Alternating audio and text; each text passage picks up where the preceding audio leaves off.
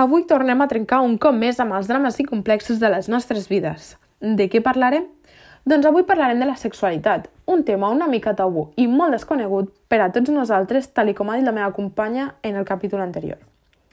Primer de tot, cal saber com afrontar el tema, i és per això que cal tenir unes habilitats de comunicació i saber respectar les diferents opinions.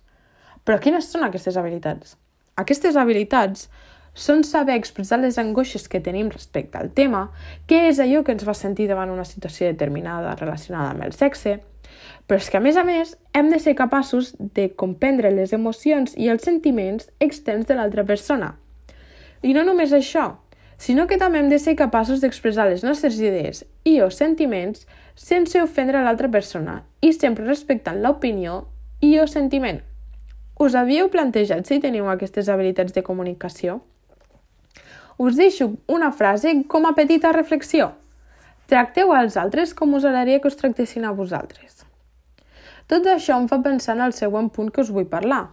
És el tema dels anticonceptius. Quants anticonceptius coneixeu? El preservatiu masculí? Les píldores? Deixeu-me que us digui que aquest món va molt més enllà. No vull entrar molt en detall, ja que no tenim molt de temps, però sempre podeu consultar a gencat.cat, al canal de salut, on hi ha explicat tots els mètodes de manera més detallada o anar directament al CAP o al CJAS, que són punts de referència per a joves. Per tant, comencem amb el preservatiu masculí i femení, on a qualsevol farmàcia o supermercat els podem trobar. També tenim les píldores, que prèviament és recomanable anar al ginecòleg per a prendre-les, igual que l'anell vaginal. També hi ha el diafragma, el diu i el pegat.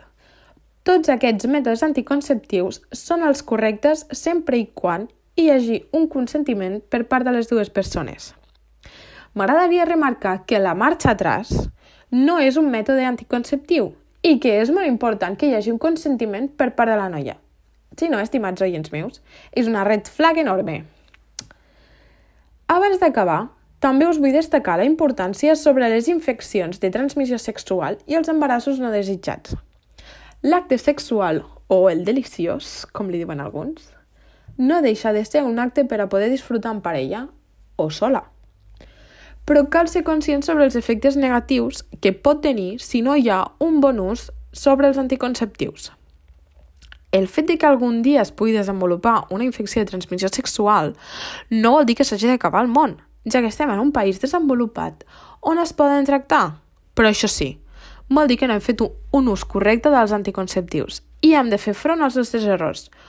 Però com a leccions de vida? Pel que fa als embarassos no desitjats, cal que anem a consultar sobre les diferents opcions que tenim al nostre abast.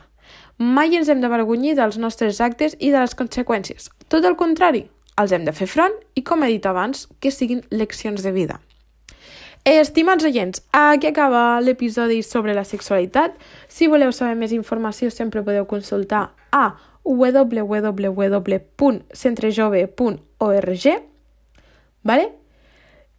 I espero que em deixeu les vostres opinions als comentaris, que no us perdeu el pròxim episodi que tracta sobre el feminisme i ens veiem a la pròxima. Gràcies!